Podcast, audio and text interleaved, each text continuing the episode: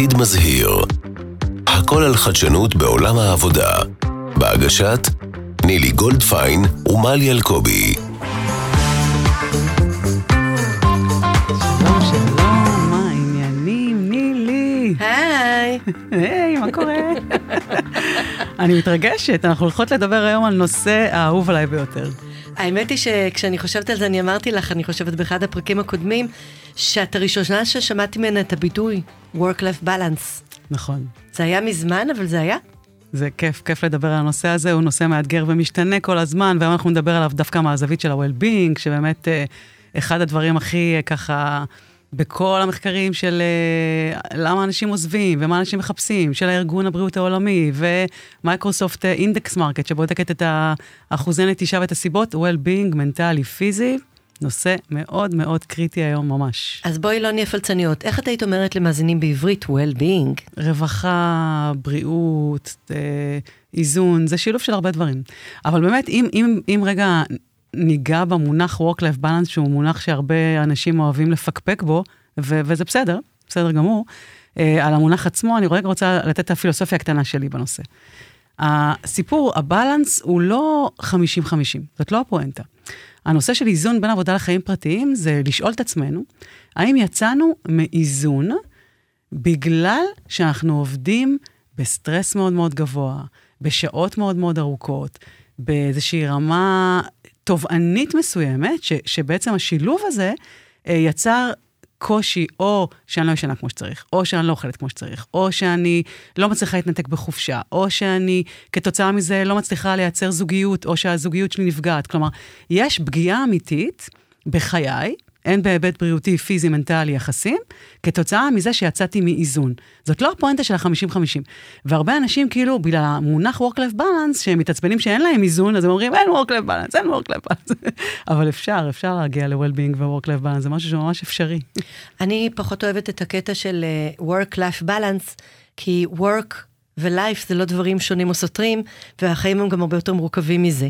יש לנו גם חיים בעבודה, נכון. ויש לנו גם מטלות עבודתיות בחיים. אני למשל מאוד לא אוהבת להדיח כלים. Mm-hmm. מבחינתי זה work, אבל זה נמצא בלייף, אז שאני אפסיק להדיח כלים, או מצד שני, אני אמנם, אה, אתמול הייתי בת 60, ואני... אה, ואני אה, משהו כמו 20, 33 שנים עובדת במקצוע שלי, אבל אני מאוד אוהבת את מה שאני עושה. ושמעתי פעם בהודו פתגם, שאם אתה אוהב את מה שאתה עושה, אתה כבר לא תעבוד יום בחיים שלך. אז זה נכון שאני מקבלת כסף על העבודה שלי, ואז מישהו אומר, אבל את נהנית מזה, אז למה שאני אשלם לך? כן, אני נהנית מהעבודה שלי, ועדיין צריך לשלם לי עליה, והרבה כסף רצוי. אז אני אומרת שכל הסיפור הזה של לעשות דיכוטומיה, לא משנה במה, הוא מטריד אותי במחקרים על עולם העבודה. נכון. אני חושבת שהחיים הם יותר מורכבים. החיים בהחלט מורכבים, אבל כל הפואנטה של התחום הזה, ואת זה כולנו צריכים לזכור ממש טוב, זה שהוא נכנס לעולם שלנו, כי עולם העבודה החדש וגם הישן. יצא מבלנס. יצא מבלנס, וכאילו יצר נזקים אה, אמיתיים, אי אפשר, אי, אי אפשר להתכחש לזה. אני כאילו. לא מתכחשת לזה בכלל. ואני חושבת שזאת הנקודה. נכון. זהו, לא משנה הדיכוטומיה, עזבו, שכחו מזה, תדאגו ל-well-being שלכם.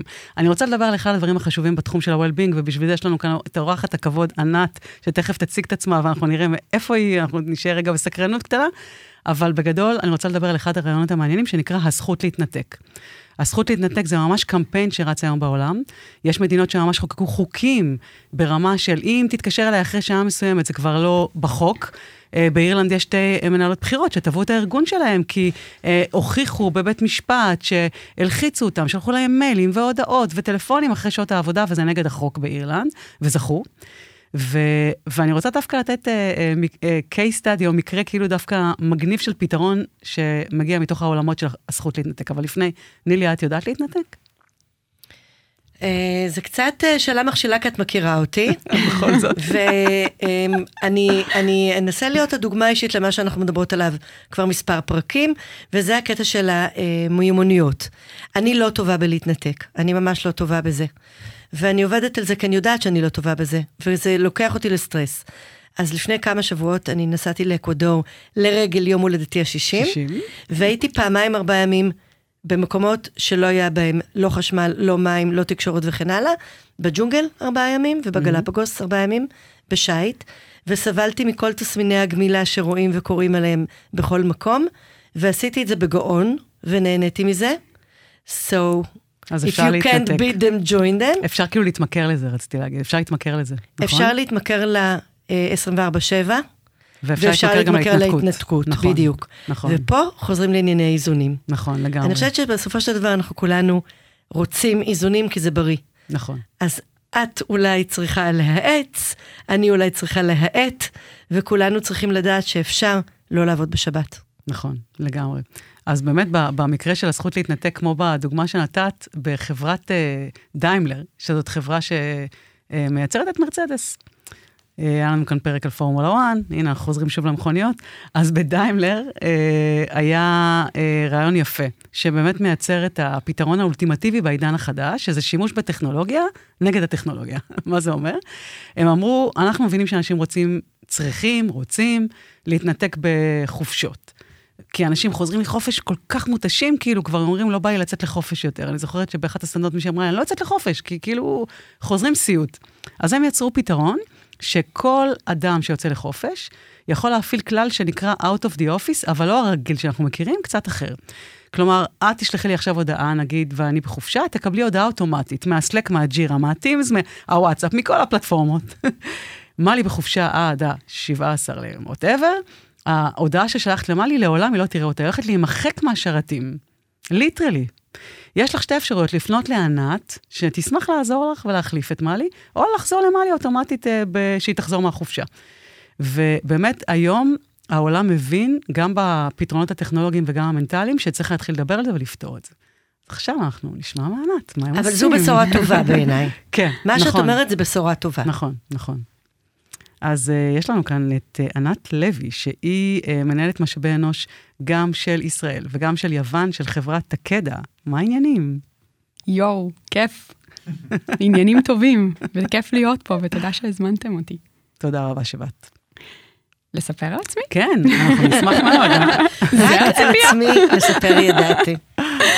אז אני תמיד מתחילה באישי, כי כמו שאמרת, אני מאוד מסכימה, אני לי אין אישי בלי מקצועי ואין מקצועי בלי אישי. אז אני ענת, אני נשואה לאילן, יש לנו שלושה בנים, עומר, עדי ורועי, טווח הגילאים של בין 3 ל-11.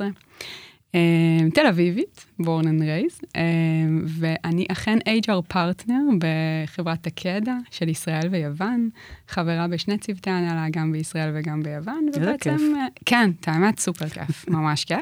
שתכף נדבר על תקדה, שהיא בכלל חברה כיף גדול. Um, ואני בעצם אחראית uh, בחברה להטמיע, ל- ליישם את uh, אסטרטגיית ה-people, בסדר? Um, מה שאנחנו קוראים exceptional, ולייצר exceptional employee experience. Um,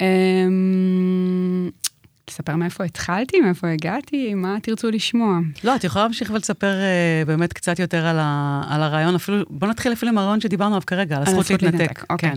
אז um, קודם כל אני מאוד מתחברת, uh, גם לי לקח להבין את, הז, את הזמן ואת ה... מה זה אומר בעצם הזכות להתנתק, גם עבור עצמי. אגב, אולי אני אספר אחר כך על עוד כל מיני דרכים שאני עושה את זה. בתקדה, um, יש לנו סקר עובדים שנתי שבו זיהינו איזשהו סוג של אתגר.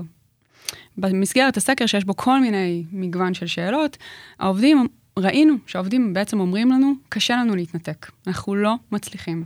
אנחנו לא יודעים לשים את ה stop ולעשות את האיזון בית עבודה, אפשר לקרוא לקרוא בכל מיני דרכים, אבל אנחנו לא מצליחים להתנתק.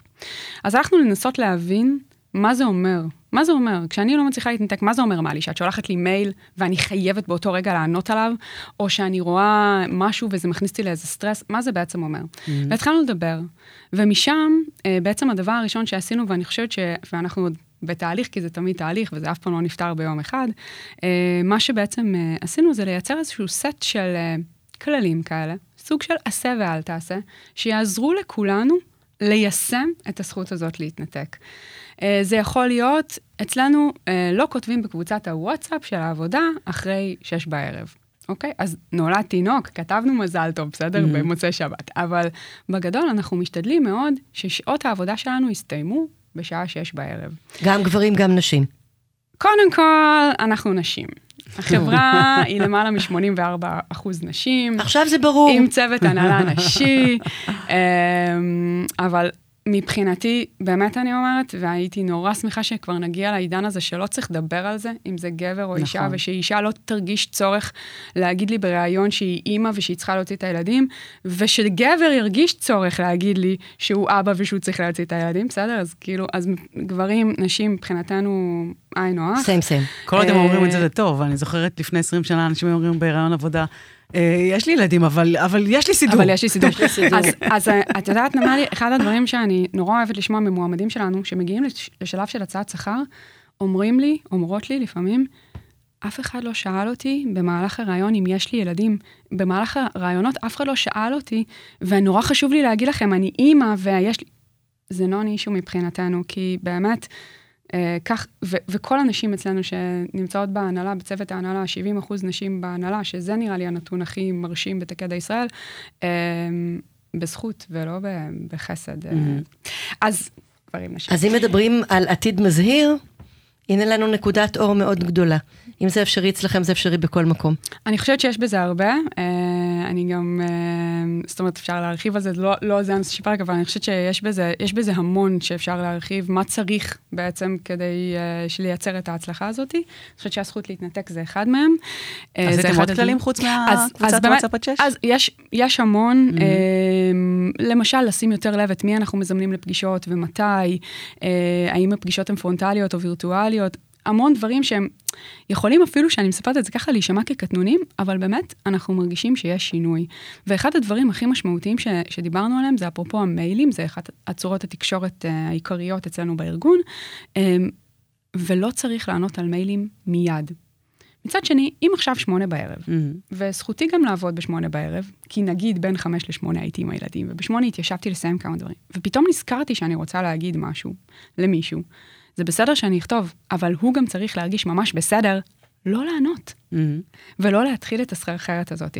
וזה מה שאנחנו בעצם מנסים, ואפילו מצליחים ליישם, ואני חושבת שאחד הדברים שמאוד תורמים להצלחה של הדבר הזה, זה בעצם המחויבות של המנהלים. זה לא הולך בלי המחויבות של המנהלים והמנהלות שלנו, באמת to walk the talk. אה, לא רק מול העובדים שלהם, אלא גם בינינו, בין הצוות ההנהלה, בסדר? בין ה... איך... ובין אריה המנכ"ל שלנו אלינו, בסדר? זאת אומרת, זה, זה, זה חייב כל הזמן לדבר על זה. כשאריה נסע לאוסטרליה, הוא הת- הוא התנתק או לא? כן, התנתק, ואף הודיע לנו, מאלי פשוט הייתה בטאונול, שאריה הכריז אה, שהוא נוסע לחודש אה, לאוסטרליה וניו זילנד, ובאמת אה, הוא היה זמין למה שהיינו צריכים, זו גם הייתה תקופה כזאת אה, סוערת מבחינת הפעילות של החברה, מהמם. אה, אבל ידענו שעכשיו הוא יהיה שלושה ימים במדבר, ואי אפשר יהיה להשיג אותו, והכל טוב. וזו דוגמה אישית מדהימה, כי אם אריה יכול לנסוע לחודש לאוסטרליה וניו זילנד, כמובן שגם אני יכולה, וכמובן שכל אחד מהעובדים והעובדות שלנו זה, יכולים. זה נשמע לי מאוד מאוד מדהים, כי יש הרבה חברות שאני מכירה שמדברות גבוהה גבוהה, ואז המנכ"ל אומר, אבל עליי החוק הזה לא חל, כי לי יש אחריות. כן. ואז המסר הכפול הזה לא רק יוצר בלבול, יוצר הרבה מאוד תסכול. אז אני שמחה לשמוע. זה נכון, אני חושבת שכן, הרבה, הרבה פעמים חברי המנהלה אומרים, אני לא מרגיש את הצורך להתנתק, או אני רוצה להיות שם.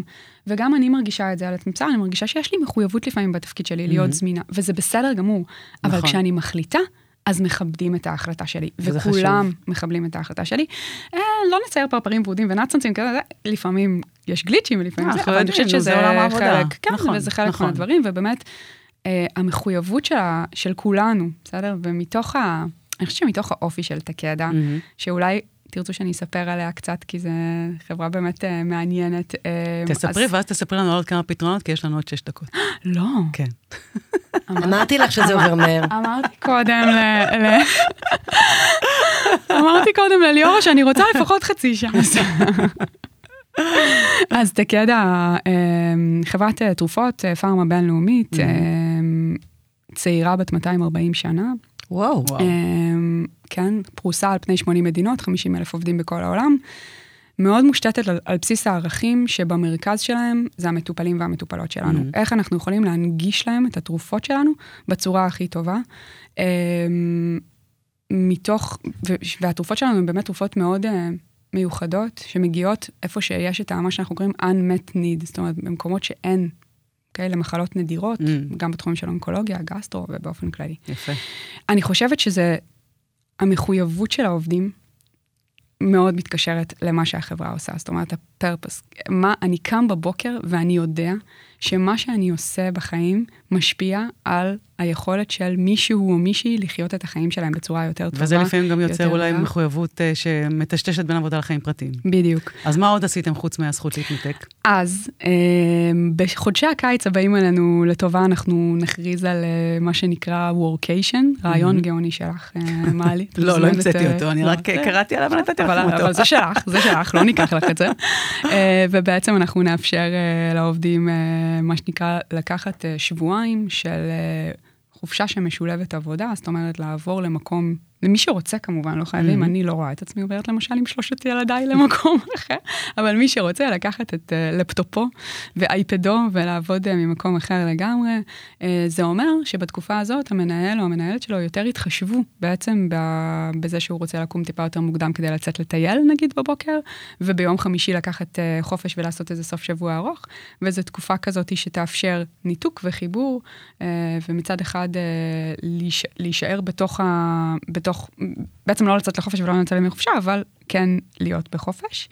אה, ואיזי סאמר, שאנחנו עוד לא אפיינו עד הסוף את כל הפרטים, ואנחנו גם עושים את זה בתוך צוות של, שבעצם פועל בתוך הארגון ומביא את הקולות מהשטח ואת הצרכים מהשטח, אז אנחנו נאפיין עד הסוף, אבל בעצם אה, אה, לאפש... לקצר את, ה, את, ה, את יום חמישי למשל, לסיים בשעה אחת נגיד, להגיד שאחרי אחת אין פגישות, או שהמשרדים נסגרים, או משהו כזה, ובעצם לאפשר אה, זמן יותר אה, פנוי לבילויים עם המשפחה. מדהים. את יודעת, את מדברת על, על כל מה שקשור בעצם בזכות ההתנתקות, בהגבלת המסגרות, ביצירת מקום שאומר יש חיים מחוץ לעבודה ואנחנו צריכים לגדש אותם, אבל אני חושבת שרובנו חיים הרבה מאוד שעות בתוך העבודה. Mm-hmm. גם אם החלטתי לקצר את יום חמישי, בסוף רוב שעות הערות של רובנו, אנחנו נמצאים במקומות עבודה. נכון.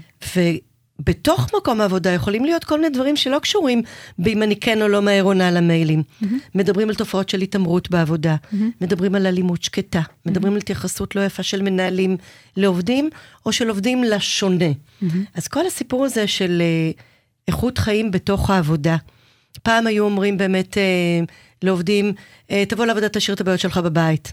ואני חושבת שהסיפור של הקורונה הראה לכולנו שנכנסנו אחד לשני לבתים ולחדרי השינה, אבל זה בוודאי הראה לנו שאי אפשר להשאיר את הבעיות בבית.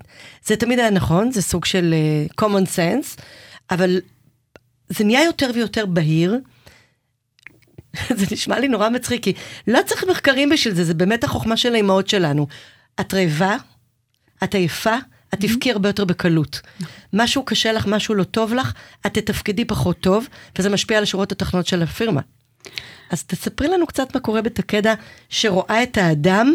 במובן הזה. אני חושבת שזה נורא הולך על הרצף של ראיית המטופל והמטופלת במרכז. תחשבו על זה, זה באסנס שלנו, זה מה שאנחנו עושים כל הזמן. אנחנו כל הזמן חושבים איך אנחנו מנגישים את התרופות והטיפולים שלנו לאנשים. אז הראייה של האנשים והמטופלים והמטופלות היא חלק בלתי נפרד, ואנחנו מביאים את זה כמובן גם לעובדים. מעבר להכשרות כאלה ואחרות שאנחנו עושים למנהלים על כל מה שקשור ל-vulnerability והיכולת באמת לראות וזה, אנחנו משתמשים בתקדה um, במה שנקרא quality conversation, בסדר? זאת אומרת, ההערכה היא לאורך כל השנה. אנחנו כל הזמן מדברים, אנחנו לא עוצרים פעם בשנה ואומרים מה עשינו, מה זה, אלא כל הזמן יש איזה שיח, ותמיד השיח מתחיל בקודם כל, מה שלומך? מה שלומך? אה, אפשר לדבר על הרבה כללים והרבה חוקים, והרבה, אבל בסוף, מה שאנחנו מבקשים מהמנהלים שלנו, מהמנהלות שלנו כל הזמן, זה לשמוע את הצרכים של העובדים. מה אתה צריך? מה את צריכה? אז אמרנו מודל היברידי, שלוש פעמים במשרד ופעמיים בבית. אבל יש מישהו או מישהי שצריך משהו. בוא ניתן לו את זה. ואולי הוא קצת אחר, נכון. ואולי הוא קצת אחר. נכון. אז בתוך כל הכללים והמסגרת, אני חושבת שאחד הדברים שאנחנו מאוד שמים עליהם דגש בתקדה, זה באמת לראות ולהבין מה האנשים שלנו צריכים ולהתאים את זה.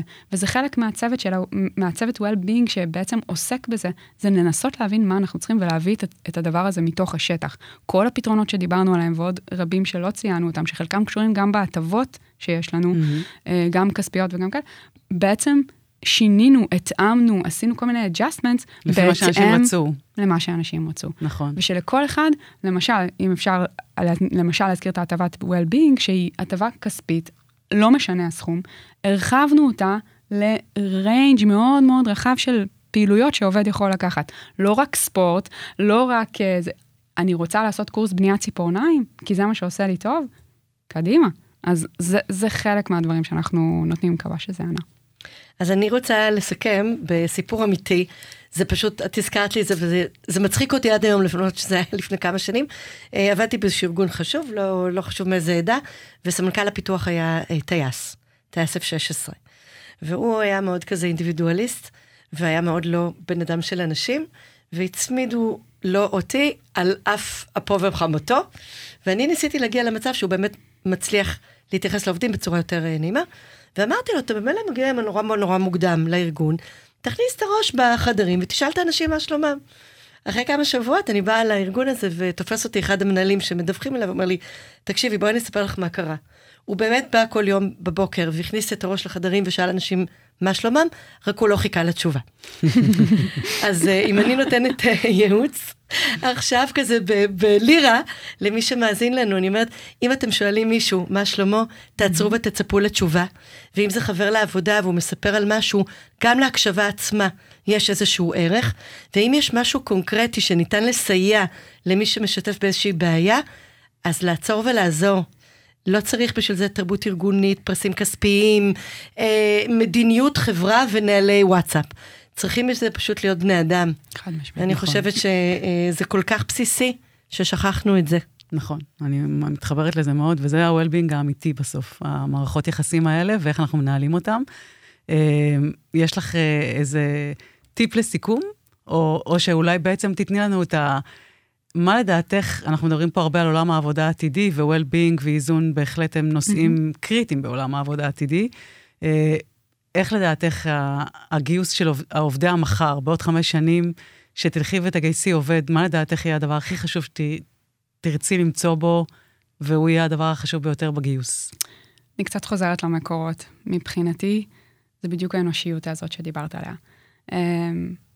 אני, בעולם שלנו, של הפארמה, קודם כל חשוב לנו הקרינג, האכפתיות. לראות, לקום בבוקר ולהרגיש שאני עושה משהו משמעותי. אה, וזה משהו שהוא מאוד עכשווי, אבל הוא גם מאוד עתידי. ועם כל הטכנולוגיה ועם כל הזה, בסוף, מה שאני רוצה, שאנשים יבואו וירגישו את הדבר הזה, וירגישו שהם עושים משהו שהוא משמעותי עבורם ועבור אנשים אחרים. מהמם. מקסים. אני אסיים עם כמה טיפים אחרונים, בכל זאת פרקטיקה, אני אוהבת פרקטיקה, אין מה לעשות. אז אה, אם אתם רוצים לשפר את ה-well-being שלכם והאיזון בין עבודה לחיים הפרטיים ואת הזכות להתנתק, הייתי ממליצה לכם לעשות uh, את אחד הטיפים האהובים עליי, שאני אוהבת לקרוא לו נוהל יום א'. מה זה אומר?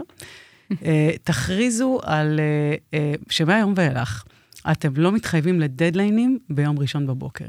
למה? כדי להגן על עצמכם לעבוד בסוף שבוע. אם אתם סוגרים כל יום ראשון שעתיים ביומן, שהם לתכנון השבוע, להסתכל על כל הפגישות והישיבות, להתכונן אליהם, הסיכוי שתהיו אה, אה, בסטרס בסוף שבוע ירד משמעותית, כי תגידו לא נורא, דחיתי את זה לרגע האחרון, אבל יש לי את השעתיים הראשונות של יום ראשון. אז תאמצו את נוהל יום א', וכמובן כל הדברים האחרים שדיברנו עליהם, כמו הזכות להתנתק בחופשה, אולי תנסו לשכנע את הארגונים שלכם להיות כמו תקדה ולעשות וורקיישן, שזה מגניב. את רוצה שאני אגיד מה, הצעת אצלנו בארגון ועבד פלאים וקיבלנו מלא כן, משאבים חיוביים? כן, תגידי, בטח. הצעת uh, לסיים כל יום עם משימה אחת שממש לא בא לך לעשות, mm-hmm. נכון? נכון. ומשימה אחת שממש באה לך. כן. ועובדים לקחו את זה אחרי שסיפרת את זה אצלנו בטאונר. כן. והתקשרו אליי, אמרו לי, תקשיבי, עשיתי את זה, זה מדהים, את חייב, חייבים, אין, זה מדהים, זה מדהים. אז זה, זה ממש עבד. אז זהו, אנחנו נדבר על זה עוד בהמשך באיזשהו פרק, על פרודוקטיביות. אה, סליחה, אז הרסתי. לא, לא, לא הרסת בכלל, רק לא, נתת טיזר. אל תרגישי רע. מעולה. ממש ממש תודה. תודה רבה, מלי. תודה רבה לך, נילי. נתראה בפרק הבא. עתיד מזהיר, הכל על חדשנות בעולם העבודה. בהגשת נילי גולדפיין ומלי אלקובי.